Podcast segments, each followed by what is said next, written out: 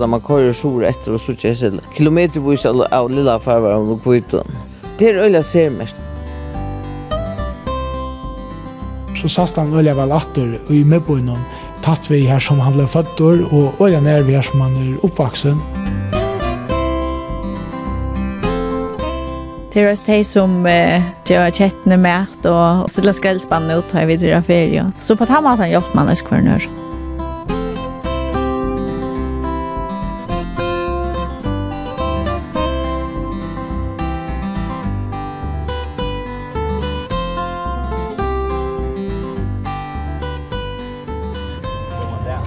til vores venskabskommune Klaksvik. For selvom det er en lang vej at være kommet helt hertil, så tænker jeg, at vores bånd er lige så tætte, som de har været. Med disse ord vil jeg takke for muligheden at hilse sejlskibene velkommen, og jeg håber, at vi får en fornøjelse, fornøjelig havne, hav, havnekulturfestival sammen over de næste dage. Tak for det. Jeg skal på vegne af de færøske sagsrejsskibe sige tusind, tusind, tusind tak for en helt, helt fantastisk modtagelse. Nu hesar upptöknar vi har vera kjørtar er det sommar, det er sønt og juni, og til føreskå 36-skipene er just kommet til Odense her av Fjone i Danmark det er den store flaggsiklingen i samband vi at det er 100 år så gjerne merke først og fyr vervost allmenn fram her i Danmark. Vi tar då tru brot fra Størfingten og Nåtøkene av Bridgene her i Åtense, Janne Jekind, Mentan og Roskvinno i Bøyranen i Åtense, Jekvann Skårheim, borgarstjåre i Klaksvik, Hesebøye bøyene er nemlig Vinarbøyer, Og den søgneste var Kari Mittlen Geranar, som er formøver i fjellan Føresk tresekk skip. Han takka i fyrir størfingen og måltøkna, og hon var størfingen og ekviljen ek folk her framanfyrir Nordatlantiska huset. Og ta er nu er i her, kjolt om det er i Kjønvarps Ørendon, så kan jeg ikke lette være vi at gjøre samrøver vi føringar her og høre hvordan det er at byggva i Odense. Ein spennande bojor som mer tidsir føringar ofta bæra køyra fram vi, utan at stekka neka særligt. Hette er Vittorio Ature i Odense.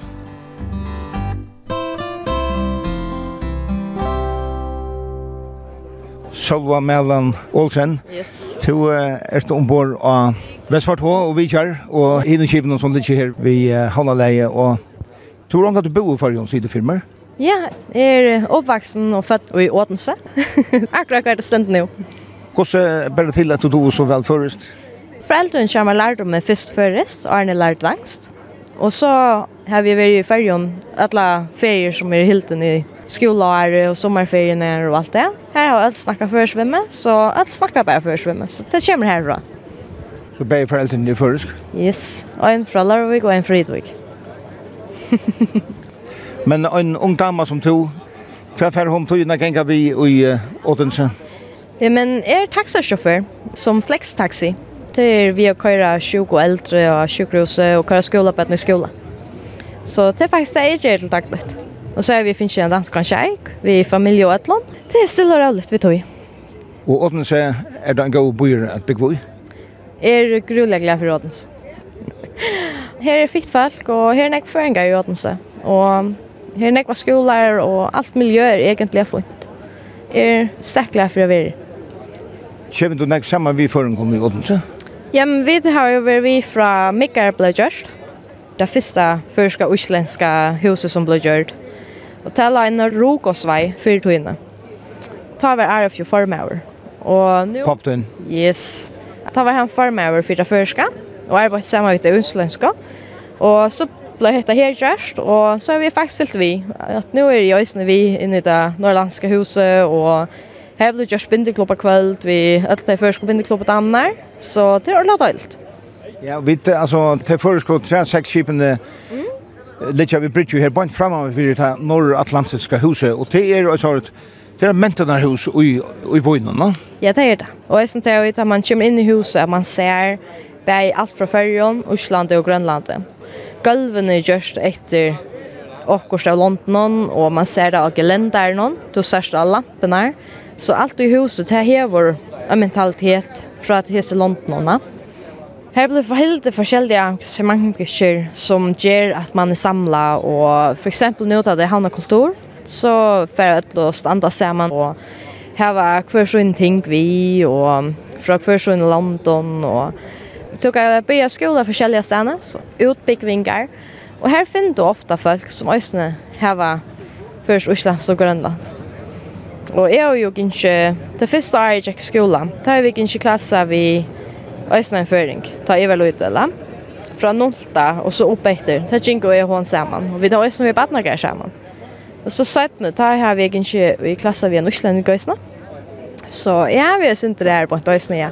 Så Øslandingar og Føringar og Grønlandingar i Åtense som du sier, har kjensler for kvarnøren? Ja, det har de. Det har de. Og jeg synes det er jo for man, nu har vi jo akkurat vershus, eller hva man skal sige, som er Ryans, hver du kan kjøpe først øl og sånt, og uslensk.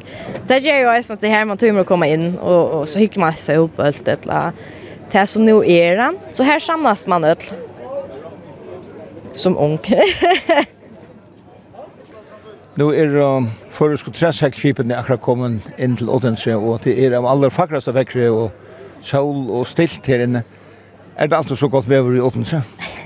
Odense, han bor som heter Beste Kosefer. Altså, för man til Esbjerg så er det näck vind. Altså, så Odense er jo mitt i. Og her er det perfekt vever å være. Her er det vever, ja. Det er jo Havne kulturfestival. Og jo er det så til förr skulle träffa en pastor. Jag var snär stora till det. Först och till näck av snär. Ja, så vill jag inte. Och framförallt är vi ikke ombord här. Ja, det ska man. Man må ju för hitcha så det er jo kultur och det er kvar man kommer fra. Alltså man man skal vite kvar man kommer fra, och og hva är det vi tar vi vån vi, ja.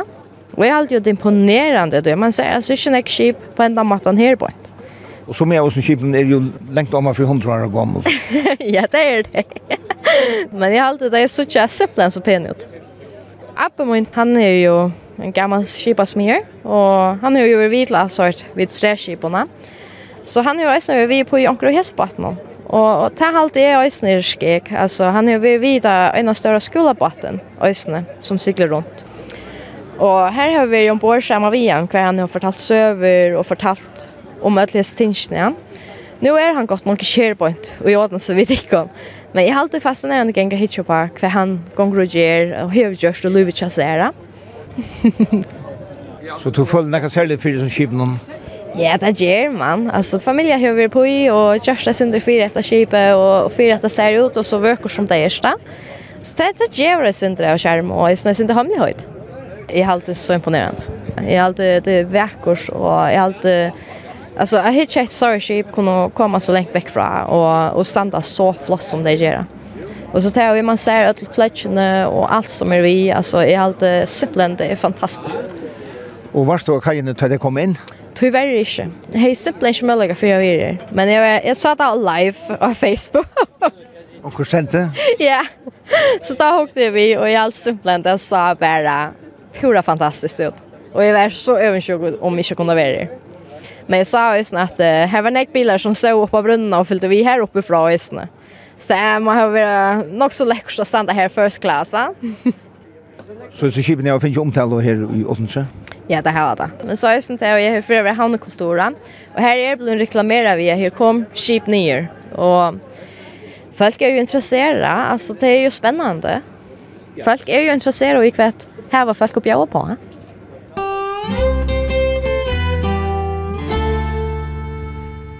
Ein av tøymon som er kommet om man har bridgene her i Odense at hekje at man føresko tresektskipen som ligger her, er Santi Simonsen ur Klaksvik, som bor i Odense.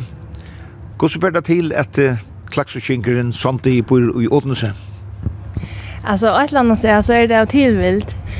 Vi bor av Øye, her med Arjen kommer fra, og så husker vi, hva skal vi ta bruk for oss nå? Och så säger han ska vi flytta till norra. Och då säger så nej, låt oss helt för till Danmark här bättre vägar. Och så tog vi lucka som Danmark kors fram och så hukte vi och så är det ah, ja, Odense det är mitt och så här för vi. Så ja, det tar ju det här. Och här gott att bygga chauffören kom. Ja, helt sikkert. Vi står truvast. Eh, vi tar vi nu är i tjejer och och drar inte danser och här är det så det gott och eh när färra till och ja. Allt möjligt. Alltså bär vi vill ju sport, alltså jag är mer urval och vi vill ju ändå skola och vi är uppbyggving och tilltök som som hesa vikskifte är massa massor av tilltök man kan färra till. Så Odense är en bojor som hever allt. Kanske inte allt. Alltså hvis du spyr København så ser det nej, men vi har nek, det har vi. Alltså eh, rysligt mycket kurs allt. Jeg har ikke en først om bindklubba. Akkurat nå har vi tidligere en pause, men jeg kommer sin sammen for en Ikke super nek, men jeg synes til. Nå sitter vi og prater hette er tulja i sommer, den opptakken vi har gjort. Men om en av tog så kommer en bok ut som du vil. Ja, det er rett. Det er sånn at jeg har brukt uh, på at uh, skrive en selvbiografi, en bok. Og det handlar om uh, mitt liv og mine opp- og nedturer. Og Og særlig det her at jeg var jo stedet med løyve her i ikke hei det godt, og, og vær sjuk. Men det er mulig at blå frusker som er i det. Så bøkken er atla til at det er akkurat som atlige oss for framman. Jeg selv om det man kanskje på et nå er mist, men for framman så er det just. Fyrir kvart tjejen så gjerne fikk jeg diagnosere trodde jeg er psykiske sjuker, engist, OCD tvangstankar og PTSD. Uh, vi funnet så ut av at jeg har haft alt mot løyv, för det mesta. Och så till att det brett ut kan man säga att det är att en ting som jag upplevde som bad och att det inte fick hjälp. Eh då är det så otroligt viktigt att hvis man möter näka i någon och som ger illt att man får rätt hjälp nu. Hvis jag finns hjälp när vi så hej kanske inte blivit så sjuk som jag blev. Då är jag otroligt sjuk. Jag kan ta fram till att eh, At den dagen så sier at jeg gjør bøtten eta, men jeg var sjøen mer på tørspunktet, og jeg gjør bøtten eta, og det var en ostratøy. Og så plutselig så slår jeg bare tanken min. Jeg orker ikke mer, jeg vil ikke mer, jeg klarer ikke mer, jeg vil dødja. Altså, i hver tro jeg er, hvem det er, tush for om dagen, hei sånn mors tankar, jeg vil det bare slippe vekk. Det var for sårbart, jeg, jeg er illt. Altså, Ehm och tas kom mer men jag blev så nödlad inte till han han kom hem från skipet kört mig hin men averna. Och och så förde jag till psykiatrisk adult och sökte om hjälp. Eh jag blev inte inlagt men det skulle det bli Men så leivande så har vi finnit hjelp um, bäge från det offentlige, men ösne till bruk av det alternativa som er å bjøa. Og i det kan jeg så si at jeg er frusk, og jeg er i stand til at hjelpe over mennesken, og jeg er i stand til, jeg har alltid fire lestere, om omsorgsarbeid, og særlig at det er at det er mulig å få det bedre. Det er mulig selv om du føler det en destommer, det er følt det. Jeg har også sagt, hva skal jeg at jeg er bare skrell, jeg kan akkurat sammen bare kåre til skrellspanna, vekk vi mer. Så at alt får det ikke bedre hvis jeg slett gjør det. Men det var jo ikke så.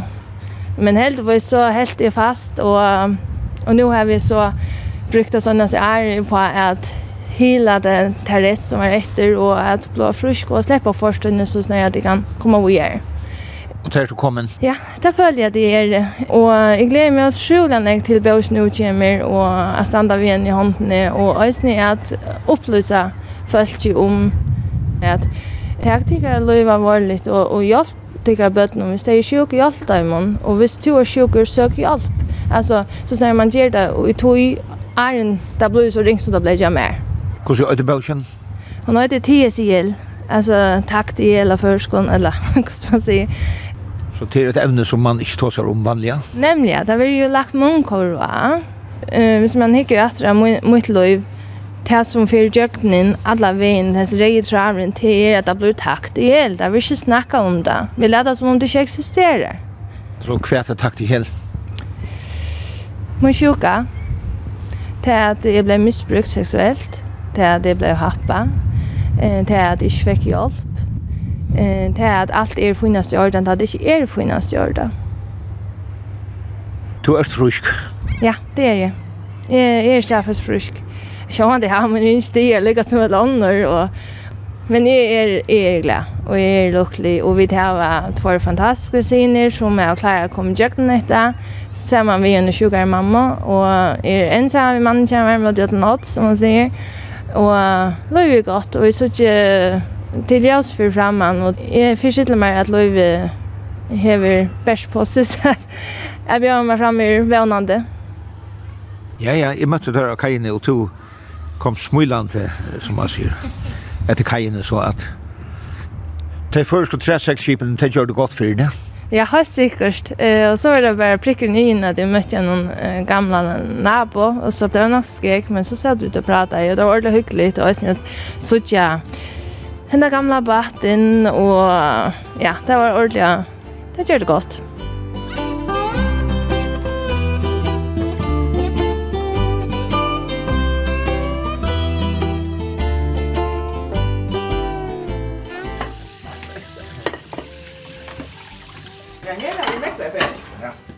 Rodi Dahl tid råkast her i Køsjonen og i norra atlantiske husen.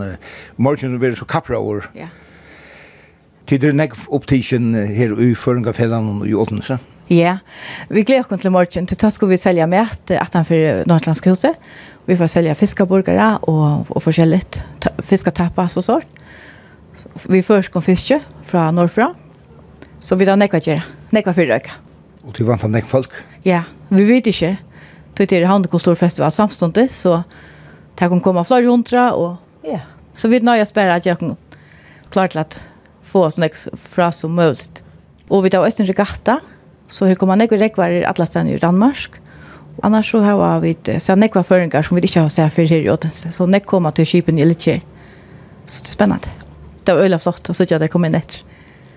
Ja, ja og han sa at litt tur og øsne nekva i elden Ja, jeg synes det, ja. Kanskje nekva nok, ja, ja. Så, och så är det lötna nu är något att göra. Skipen lite här och till regatta till er så så här några för om ja. Några planlägga och, och, och hålla kyla. Men är så inte att här är det för eldsaler som råkast? Det är det stortliga vi och, och sälja nu runt om ett hus här och runt om föringarfälla runt om eh, badafälla i Frick. Alltså här, här kommer rätt nog folk som arbetar hårt. Alltså nog frivilligt och till stortligt. Det var en fällskap fällskap, till vill säga. Bikva nekve føringar ui åtnse? Ja, jeg har fornemmer at det var helt vel av av folk i i Odense og eist rundt om her av Fyn og, og som begynner å komme inn til huset her og begynner å komme noen av de følger det er stort det det godt fellesskap og, og, og det som man kanskje hei i, i fyrjun og man, man får nyer dette førska fellesskap vid neston og baton og, og tannhonen som er, er vi utøy til, til stort. Vi flott nyr i Sems, så så har vi bodd til år i København, Och så fick han så attliga arbete här i Ivre och så flyttade vi ut i mars 2000. Så vi bor lika sen. Så gentarna gick en skola här och ja, vi bygger många på, tatt åt han fjordens. Här som Linda och Kipas med ner. Ja, hon är känd. Ja. Ulla Väckorst, det. Jag vet att det var vatten till Båsöjer, Åtens i fjord och så Karstingen år. Ligger Ulla Väckorst. Ja, så det var sent först. Först är det. Helt klart först omkvarvet så har det utviklat minne som en hamnarbord. En liten havn og, og Och det här var fyra nära bon så inte till halvtid i området. Sen att han bor tog kvar i Köpenhamn och man inte ser vatten till helt stått alltid. Så som förr man vän vi har varit mot land till man man man har en kant och man går in för kanten. Till man i uppfatta vägen på. Och om framt att råkas här i förringa og, och och kapprar i Odense så hevur tú tunne ekno fyrtøk og hans atlan. Ja, ja, så det er her nokka gjerreisne vi, vi til vanlig arbeid til daglig, og det er ikke åtta folk vi, vi arbeider her. Hva gjør det ditt? Genetiska kanningar, og kanningar, kliniska kanningar og eisen rettelig nok i løtene for, for SAP-banken, danska SAP-banken, European Sperm Bank, korger atler for tar. Og annars er det rettelig nok innenfor epilepsi, epilepsi-genetikk, genetikk generelt, by Dangs og, og King's College i London, Italien. Så har er ljøer rettelig alt kjøa Ja, det er det, og det er alt sjåa fela, vil jeg si, og det er flere nasjoner, syrien, kineser, føringar, danskare. Jeg har alltid en år hvor jeg går åtte til noe inn i, og går åtte nasjoner. Og hvor er fela i? Fela er først, det er, jeg er 55% først, det er framtaksgrunnen og førjegrunnen, som er 55%, og så er det tvær private eier her i den ene i førjen, og, og, og Johan Pachymin er, er inn. Och så är det en danskare som, som jag arbetade vid av sjukhusen och tar ju och börjar i fel. Så, så åker jag 25 procent och tror jag. Hur spelar det till att uh, du fanns på affärer tandvägen, att det är en vanlig väg vår folk väljer sig? Nei, det vet ikke. Jeg arbeider ikke och vi, vi kliniska genetikk og, og kliniska genetiska avdeling og, og Ådens universitetshospital Og det som gjør det att och fort han var at dere sände en rikve prøven ut fra, fra Ådens til Ärastan i og finner ikke jag att svära att och fick chans svära att och vanlig svära att. Så den parten ble det, ja, men dette kunne vi gjøre bedre i Odense. Det så så blir jeg, vi tog. Og minst som rett, så har du også anker bjør det kom fram i fargen. Ja, det har vi gått, og, og kanskje særlig at det som vi sitter det, det en kort tog i 2020-2020, og Här och gravar ju om att det var det var väl mer av av kycklingen än än tar 38 tar 70. Men men tänk om det är stora bordstur. Så förgan har stadigt tro på och och kanske mer än det till till rättla något som ber imiska sjukor för ju. Och det har också akkurat nu bjöd utleføringar faktisk. Kostan? Ja, men också just den hemmasøy som, som er den første hemmasøy som bjöd ikke bare for CDD, men for, for nu är det sjuker och så har jag lagt en tror jag fyra sjuker tre kommer nu så en, en 13-14 sjuker som är det vanligare i förrjun och som visar sig vi säljer en tuttlägg förrjun till, till skrin och kvirre. Till du avvisar sjuker? Ja, då kan jag bjöd kanningarna så folk vet om det är bättre eller inte bättre. Ja, jag som sjuker och kunde göra det och hjälpa bötten det så Det tog jag bjöd fram og vant du nekka kjem bort ur tui? Det var ni, altså Tui, tui, og vant at faktisk at andre føringer er bedre, og ein, minst einar av sånne her som, som kører rundt i førjen. Altså hvis du hever så her 12-14 sjukene hjem, så er det kurs her, holdt 30 prosent, vil du finne akkur du i. Ja, og Ruti, to hever også en spennende arbeid. Ja, jeg gjør med til daglig, og i Karsminne kommune. Vi gjør med til cirka 500. Vi har seks biler som kører ut kvendt, ja. Bæg til andre playheim og så folk som bygger høyma inne. Og spennende. Dølt arbeid. Føringar fella i A4 Fyn er blomst opp at attor. Det skildas kanskje at, at huset kom her nere i byen Sø, Nordatlantiske huset. Så nu har vi finner en fasta base her man kan møtas og faktisk gå omstår, rettelig gå omstår. Huset her er bestående av særlig nok av Ådens kommune og, og Island har vært aktivt og, og Grønland. Føringar valgte så ikke å være vi og, og faktisk først for å donere en eget hus til faktisk jo her. Men føringarfellet er føringarna slappna bruk i huset ja, og lykka fot vi, vi hinner. Det ligger ordentlig vel. Jeg holder vi, vi finner vel det auto jo. Det er omstår omstøver. Vi døylig høler vi grønlandikafellet og vi uslandikafellet og vi møttes cirka innenfor måneden, så gjør vi først kan mät. resten fisk, eller og skjort. Og da kommer man også nek, for en fjørste, fem fjørste. Man hører ofta folk att at føringer har så latt vi at fedla til her som der er råd. Det er en stor avbjøring som føringer fellon til dømes, men det er tøtning at komme sammen i en føringafelle? Ja, det er alltid. Altså, jeg synes jeg vet hvordan folk kommer til å vite halta, det. Alt det varsler, vi der og ivral fjers. Vi får ikke være mer til at hølen er ikke større. Og tar vi til att ha så kommer en fjørste. Så det er stort litt at gjøre med til folk som, som tømmer kommer. Ja. Deilig. Rest av fisker, for eksempel, ta, ta fullt hus her. Och det är blandningar folk som inte får det och, och så det som inte tog koka det hemma till det luktar, det luktar också ytterligare i en dansken husen här og eisen samstar mittlum feløgne vil eg seia er, er, er blomstra opp mittlum Íslandar føringar og mittlum Grønlandar føringar her kor og eh nu har jag bara fälla besyn av här och här börjar en rätt lång Íslandar Íslendar vara vi eisen. Faktiskt skulle rock vi morgon vi kallar veteran män som är plus 45 år. Det tror ju Íslendar är en uire och så två föringar. Det sälja att att hus är här vi vi tar faciliteten som det är att åker samlar och klämmer man in här alla samlar så så och skulle dela stumt och och finna det hur man delar höllen och och möjligheten här till allt det till stort låt. Det gör resten är möjligheter. Ja. Hvis vi tar rastkjøtt och sånt, och Øslandar, da må alle være rastkjøtt. Så tar jag några vi til varsler, og ja, tänk om jeg på i morgon att stanta, så jeg för jag jokken Stort låt. Och så Mikkelsen, Urvaje, Du er en av de mange som råkas her nå i Føringafjellan om at de skulle selge i minst det og i samband med støvnene som er i Odense. Du bor i Odense? Ja, jeg er flott til Odense tog at jeg har et fordøter her og ombøden og jeg arbeider i Norra så er det lettere bare å fære nye her så kvart. men jeg er så inne i middelen i førjen men man damer øyelig øyelig godt her i Odense. For det er det som gjør at det er godt at bygger vi Ådense Alltså Odense är tre största byar i Danmark men eh, på andra måter har han megna av varvakta bygdesliga sin det folk är bloj och fyrkommande och ser verkost och, och, och bara du kommer ut om Odense så är det en, en helt särlig natur som är att sucha. Det är eh, inte som något ständigt pura slätt det är som det är där de ska backåt men alltså det tar en grupp ner och det är öliga några blommor att la stanna. Hela fyn ser präkat där vi att istället för att bruka häck eller maskmittlen, maskina, så brukar det syrenbuster istället för trö. Så det är ett öliga flott att sutja där man kör sjur efter och sutja sig kilometervis av lilla farvar om kvitton. Det är öliga ser mest hela fyn. Alltså, några av byn och sälja solfyn är det öliga väl varvakter at att här har gamle husene, og hvis du fer inn i midtbyen i Åtense, akkurat gamle, omkring huset til H.C. Andersen, så er det hus som er fra 16 og 1600-tallet, så det er helt øyelig vekkert, og, og Åtense gonger eisen for å være en grønne byer. Hoppas det bant nu er øyelig råkaslitt, det er litt bana og alt vearbeid, men Det er øyelig nok blomster og blomman trø her i Odense altså. Det ser mest i byen, eisen. Altså, hva er det som gjør han grønnen? det er ikke nok høyhus her, det er nok parcellhus eller sånn gamle hus. Og her er nok havar som hava lite, altså.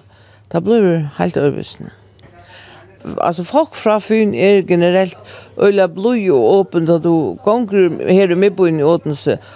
og, og, og folk kunne godt smulas til du, og, og, og hava ikke så, så nok om å være, og du mestrar en helt annan blodskap, altså spørst du om nekka så fart du et ordentlig svær og Ödli vil jeg hjelpa deg, fylgja deg hvis du skal ångstendast. Det er øyla ser mest alltid. nu har vi jo vært øyla nokku kjeppmannan. Og det er fortraula i, eller det er alt skal ganga så kjøtt. Det er lukka som ikke har kommet til, til inn i åtense enn. Folk er behjelpelige og smulande og, og blod. Fyrst og fyrir leie mest til det, Det var jeg läste universiteten, det var vikskiften, og så gikk jeg ikke busser ut av universitetet, og jeg skulle takke en taxabil. Og jeg gjør som man gjør i Kjøpmannhavn, at man setter seg inn at han fyrer. Og taxachauffören har til at man så sier han, hei, jeg gjør det nå, eller du får nærmere. Så sier jeg, hva mener du i? Jeg tar til at jeg setter meg 18 det er bare som havnere som setter seg 18 og i taxabilen. Nå, no, jeg vel, så det har vi lært man sätter sig in framför här till man pratar med chauffören. Där vill gärna prata att det kör och och spela kan man kommer ifrån och kan man göra fyn och så. Där är väl hemkär på några månader men alluga var så är det en stor bo i det mest du gott att du går men alluga så har det tog av era blöjor. Man kan se det på den måten att Åtense kanske har varvat sina bygdasal alltså. Vi är vera tatt i samband vi vi ökje utanför. Det där damer mer väl. Jeg synes ikke at flere og flere føringer færre å lese her av Fyn, men det er øyelig sint at, at føringer ikke færres til Fyn. Så, og jeg Fyn til bare når man skal få bo i man skal i Jyllands eller København. Om man kommer i Norge, så får man til København, og så suser man i Vrom Fyn. Men Fyn har så sannelig nok vært jobba. Jeg har alltid det sint at føringer ikke opplever Fyn.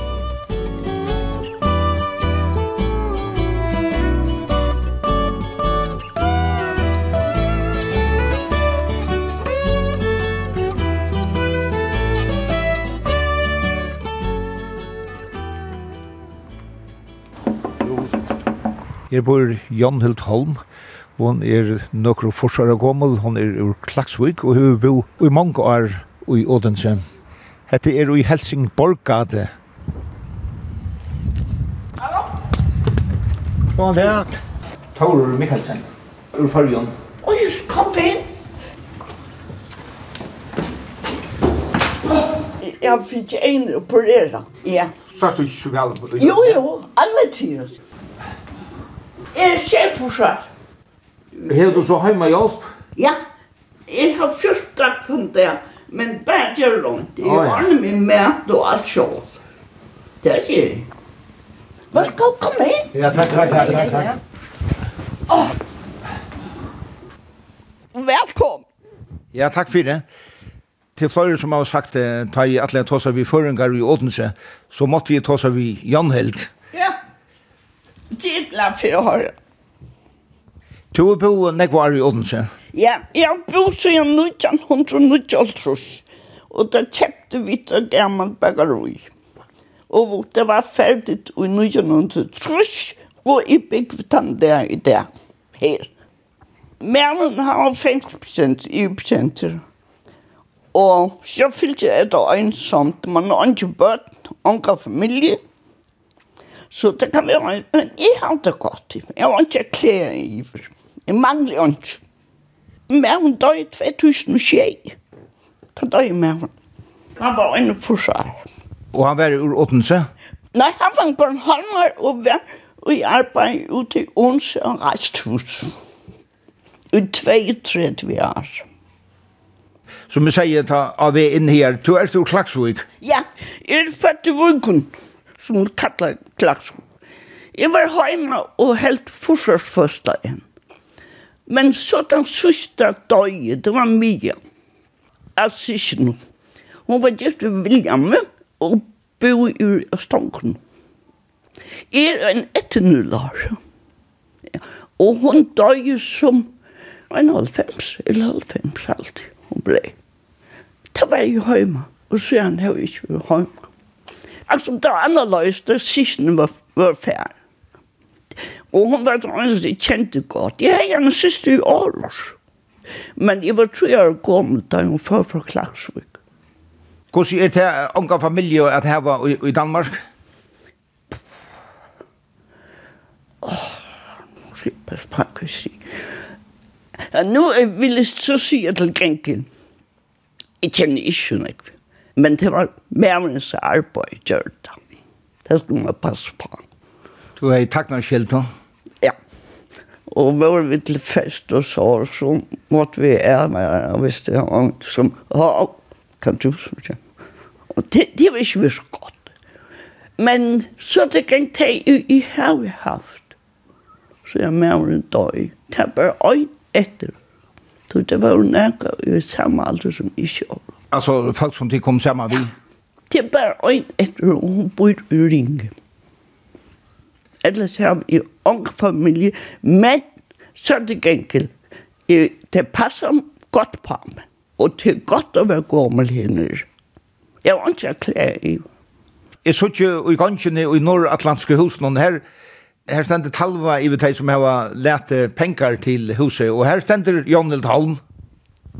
Ja, Og til stolt av. Så jeg kom fra Klagsvik, og jeg var sånn til flov, av det til borgmesteren havde ikke givet, deg jeg gav i Klagsvik. Men så skjelte jeg sin drød, og så begynte han å komme. Og så kom han ved penken. Men han havde ikke givet, deg jeg gav. Var det tog at Klagsvik og Odense er vinnerbøyer? Ja, ja, det var tog. Jeg var flov av det. Du, det visste jeg at føringene här som jeg kände att det var för klass. Och så då fikk du klassen grønnsgive. Och jag punka ut på en av veien. Så du heldur at uh, Norr-Atlantiske huset til er neiot at de hava til? Ja, vi skulle hava til. Og til godt tror det kommer nek folk der vil det her. Her vil jeg stjørt, til mann på jeg stjørt og bø og sal. Så alt er fullt hus. Det er noen fjers som kom før en kamp. Kom sammen med henne, hun får vei. Hun handler for meg og kom med forskjellige steder. Hun var det etna sammelsen, hun får vei. Hun gav meg, og familien kjenner oss. Og selv om du bor her siden Ja. så tar du framvis klaksusmal. Ja Ja, ja, ja. Det blev vi. vi. Jeg skal si at jeg var 23 år da jeg kom her til Åtens. Og jeg kan minnes at mamma og pappa levde. Og så var jeg i Holman. Pappa selv. Jeg har alltid jeg bo en 20 år. Så sier han, å Jesus, jeg er så glad for at du snakker så pent før, Sten. Du, han var så flår i det, du, det var en bøsvin, ja og hun sier, hva på ha? Hva betyr det her? spurte pappa min om. Ja, Det er hun ikke. Men Osman kan man godt glemme. Jeg synes jo ofte om jeg er jo sang sangbøger hjemmefra, så synes jeg først. Hva synger du? Å, det er så forskjellig. Og det er andre madame så godt til er. Og om jeg ferdig og om Norge langt.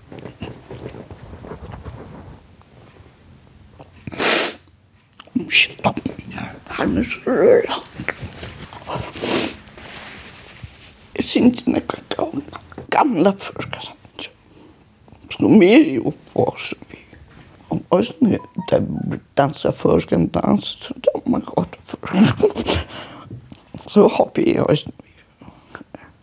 Men vi det er ikke noen klassikingar her. Det er en kastan.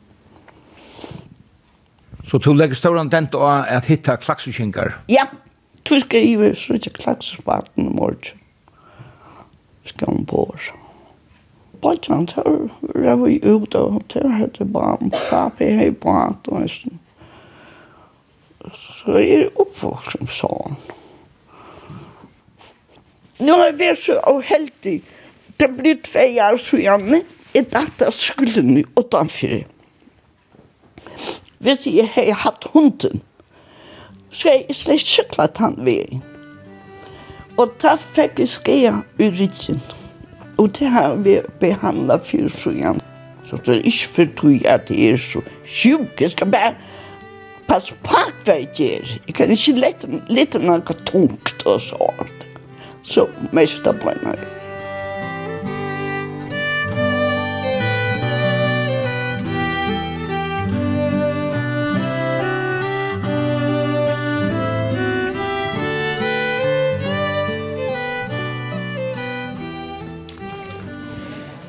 Her heter jeg tvær ungar føringar som har vært i Odense. Nok så stått. Det er noen Rene Ingebrigtsen, Leo ur Vestmanna og Vagnar Akasson av Mitcher ur Kvalpa. Rene, to har vært i Odense og i Lydie Ar. Ja. Hva gjør du? Jeg lærer til VVS her. Rødlegger lag stedra førskån. Hva sier det? Det er rødlegger spennende. Det er bjørende og hardt. Det er det. Men det er så till man lærer nek på kommer vi omkring. Jag är dam och i Danmark så akkurat kan bare prøver det. Ja. Och så vara lite til og så. Og tar du lærer, altså, så har du som i fargen, altså, lærerplass og så uh, at tenke seg skjola? Ja. Jag är lärare och jag har varit skolan fem år och skola i tog veckor lag det. Det er akkurat som i fargen nesten alt. Ja, och vaknar du kväll så? Jeg leser til socialrådgivare i Onse det er en deilig oppbygging. Hon er jeg synter hør, men det er aldri godt av er. Det er aldri åtser deilig byer.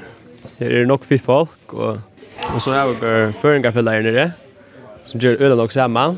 Så da jeg flytter nere, så, så melder jeg til kapprøra, og så enda blir det fotboll, og så hjelper jeg til til at jeg bruker hjelp i frikk. Det er Bata-fellet, til Nordatlanshusene. Så jag hade en deilig boje, man føler seg vel motteckna, nok föringar. Ni trivs gott. Ja, jag flyttade ner till att jag hade det spännande att släppa hemman fra, för ur rejorna och pröva sig själv an och finna där hur man är som personer. Jag bara på egna bein och ta det så också viktigt allt. Ta fem människor ordentligt på lilla steg som kvalpa. Är man är fjölka till fram har pickat lite. Renner kvar så frutidna. Jag är här och räckve och så renner jag isne. Jag synder. Så är det bara samma vid någon min fölke och damne då. Jag har tog och fröj. Men nekva fär till och så. Det är gångkjön. Och när i havnaland och när öliga, här blir läckors. Och det här var dåligt i sommarferien. Jag ska vara här nere och så. Det är en dålig bojer, det må man säga. Man føler øyelig godt at det er Asi Andersen som kommer, eller han er jo nekva sida for byen Øysene. Han er jo kvarjon ljøskrusset og uh, kvarjon faggengarfelt inn i byen. Han, tog jo nekva for byen, gos. Er det han? Inn i midtbyen, no. Her bygger det fast størst økjes, det bygger det sånn eventyrland som sekrerer seg preia hos Andersen. Det er veldig nok snakket eventyrland, det er nok vi arbeid, det er lett band vi gjør det. Så det er jeg som tror om heia og kommer rundt, men Skal lukka venja ikke vitt det? Vi strever jeg kvar jo åt seg, arbeider nek. Da er vi gang vi oppe til bojen, lagd som jeg sier. Nu færre nek vi føringar til Danmarkar at lesa, altså, til kunne vi mela åtense? Jeg er storlig jeg vil vi mela åtense. Det er altså, stor bojer på måte fyrir, men det er sånn nærkvar vi åtense som ikke halt man ser er av stedene. Da han fyrir besøkja, folk er blod og det sier hei og... Det er nok anna enn Kjeppmannhavn eller Aalborg. Aarhus eisen, ja. Det er at jeg vil slippe, eller pröva noe nytt Komma Komme sindre ut fra, ja. Det är som i Vestmann, är er ikke sälja störst. Så där bor man bara hemma till mamma och pappa. Så, så man prøver komma komme sindre ut och pröva av. Hvis det er och sjálfur og man lär nekka åt seg, eller åt seg. Det är en dålig bojer. Takk for pratet til Bayer. Ja, tack som leis. Tack som leis. Kai Johansen, to og Siri og Sondren William hava bo i Odense siden 2011. Odense er en god bøyer av boy Ja, det er alltid. Det er en, en byer som passer nok så vel til mot temperament og sier. Han rymler større som man kan være rymler anonymer, men allikevel er det det er ikke en større bøyer av samme hatt som København, så ferien er kanskje ikke så, så høy.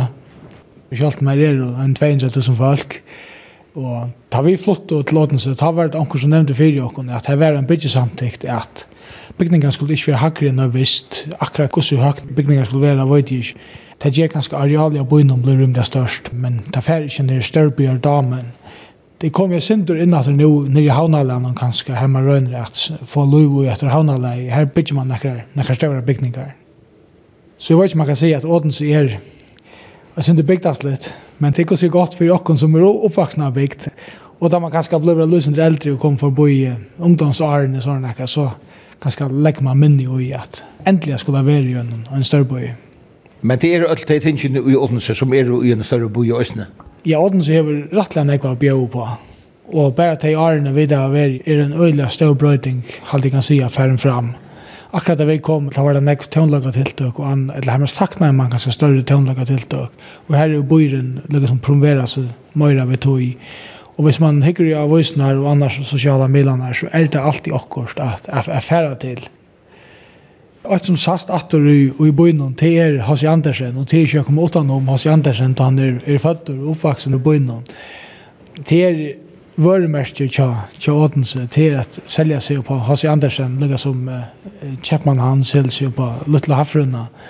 Och man ser också att det rättliga står av uttalans från från Hasse Andersen som är blev väldigt populär i Kina och här halt jag tejer pengar kommer alla vägen ur Kina som skulle få en större park i Odense men alltså gosse märkes Hasse Andersen i byn Jag vet inte man kan si at han han sast alla stedene. först om man förgängare så er det så vi så ikke så grønne männar de flesta bojen de tar vid färra tvers om uh, gångetagen och här er det Hasse Andersen som är det snur mæveren, och i sin gröna mæveren, och i, och sin jösnan där och, och det är bara Hasse Andersen i alle bojen. Och nu har vi till ofta som man ser i mikrofonen ur Köpenhamn av Kristiansborg, to feras nekve mittlen Åtense og, og Kjøpmanhavn? Jeg pleier feras så er her øyne for til treffer om vikna til Kjøpmanhavn. Så det blir en affering, men to vet er det ikke nekker sobløs å affæres til godt ferasamband. Det bygger vi nok nær vi eh, togstøyene. Jeg halte man kan si at det er den er ferast langere til i arbeidsplass enn hva føringer kanskje er vanlig vei. Men man kan arbeide i tåtsnån og tilgå omstøver til det. Så det blev kanskje en lenge der og til løsning tog er jeg kanskje en av tverfer i vikene og ikke ferdig der kvante. Så jeg arbeider hjemme fra Østene, ja. Alltså i månader av av og och dönen alltid jag kan se utan att för när man näkran alltid att att det är kanske brukar nek åre utsøkja seg og, og gjøre nek mer brosjur enn en, en føringar og i røst nek mer punktlig enn føringar. Så akkurat da jeg var flott nye så begynte jeg just at, at spela fotboll og så helt jeg at jeg skulle møte opp og være gøyere tog og være minst alene, jeg tog ikke mot til et eller annet kvarter året. Men eh, det er vi at Odden som bygger kanskje er og synes man oss litt avslappet enn en i Kjelland, det kom til kjønt der, tog at de fleste kom og slå han de her 5, 8, 12 minutter river, og så løs han heter Veri, et eller annet, men jeg har spalt låp alt det her, så det, det var akkurat, akkurat som å komme til vending i forrige Åten ser en øyla vekker bøyer. Man er gjort nekv at gjerne nekva parker at til vekker og rekreasjonsøkker til folk som kunne takka seg av løtten. Og jeg synes at du spurte om H.C. Andersen, hvordan han sast atter. Så sast han øyla vel atter i medbøynen tatt vi her som han ble født og øyla nær vi her som han er oppvaksen i øynene som heter Munkemose. Her er en H.C. Andersens parsk, og øyne. Sjående, her er nekva svenar og sånn.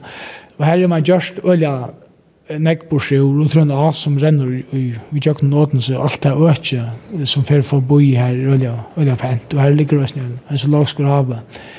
Det er langt undra med at um, man har nekva foran kan si at her sjaldan her veri ui ådense, det har kanskje veri at takstøyene så ikke langkur, man fer bare i jøkken om føyn, og tar føringarna som stekka lunge, tar blir ofta avfarnir av hvordan vekkors det er og hvordan avslappa det er, så kan det undra kanskje vi kvarst at, at det ikke er flere føringer som kanskje velger åtnelse som Lestra bo i, og i stedet for det større boinar, altså København og, og Aarhus. De unge, de, de vilja kanskje være her som det er mer pulserende løv kanskje. Og han hever lykkene på bjøa, som unge lesende, som er hinne boinne? inne? Ja, det er alltid. Selv om København er vel større, så hever Åtnesen nekva bjøa til det største universitet, til nekva bjøa og studentene i frutøyene. Det hever alle de frutøyer aktivitetene som man kunne vante av en, en større bøye. Så det er alltid ikke mangler. Så alltid bøyen hever haft en større framgång til vi et økonomisk oppsving i Danmark 17 årene. Og det er en sast øyelig vel atter i Åtnese.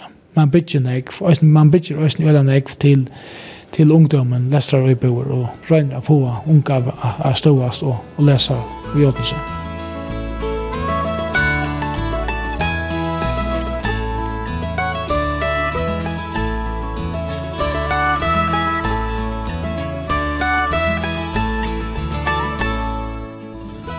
Gunn Tjurhus ur Norragøtta, til å bo her i Åtense og i 18 år siden firmer. Gå spør til at Du valgte i Odense? Det er var mulig at lese til Nomsring i Odense, og så var Odense, det var ikke størst.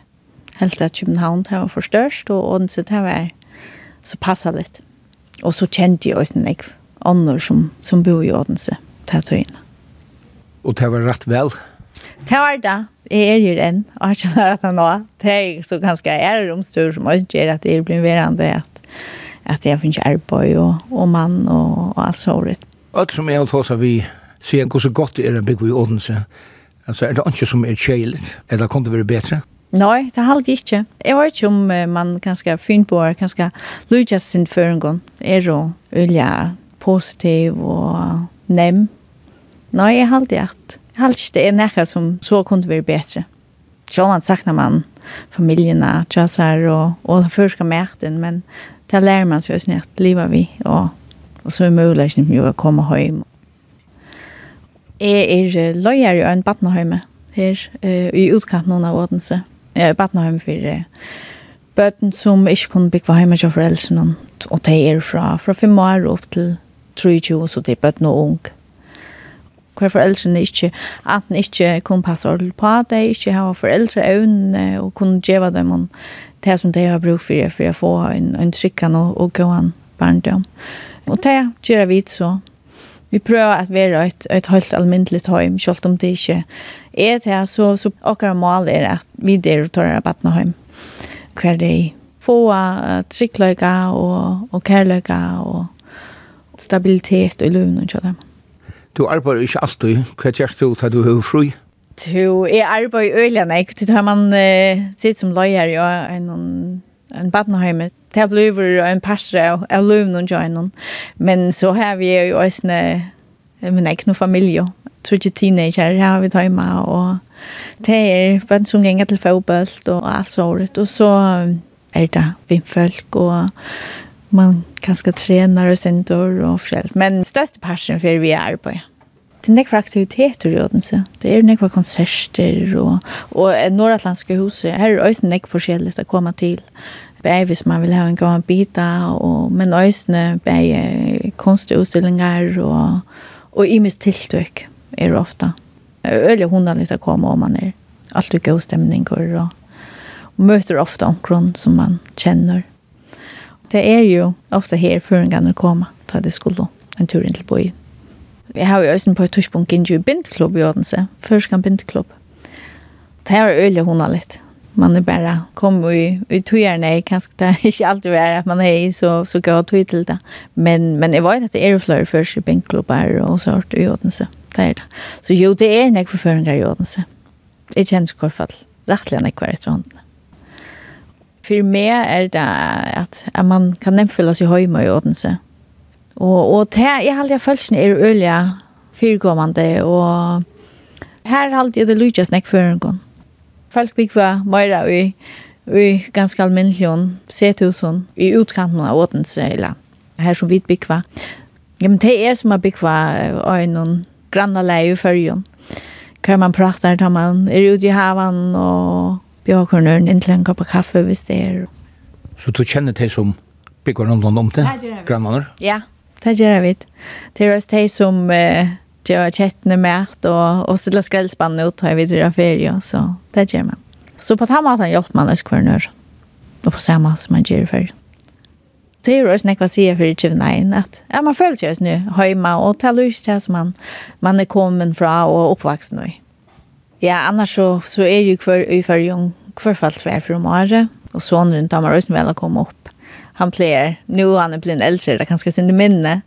Men är er ösnö ena från Mario så är er mamma och pappa komma ofta ner av vidja. Det är dåligt. Och ja, sonen kommer han tåsar, bär tåsar och, och då skriva för Så han är själv lär sig skriva först vi att vi man smsar och så till Bellmoin och och till Amir Abbar så skriver han först. Och det tror han öliga väl.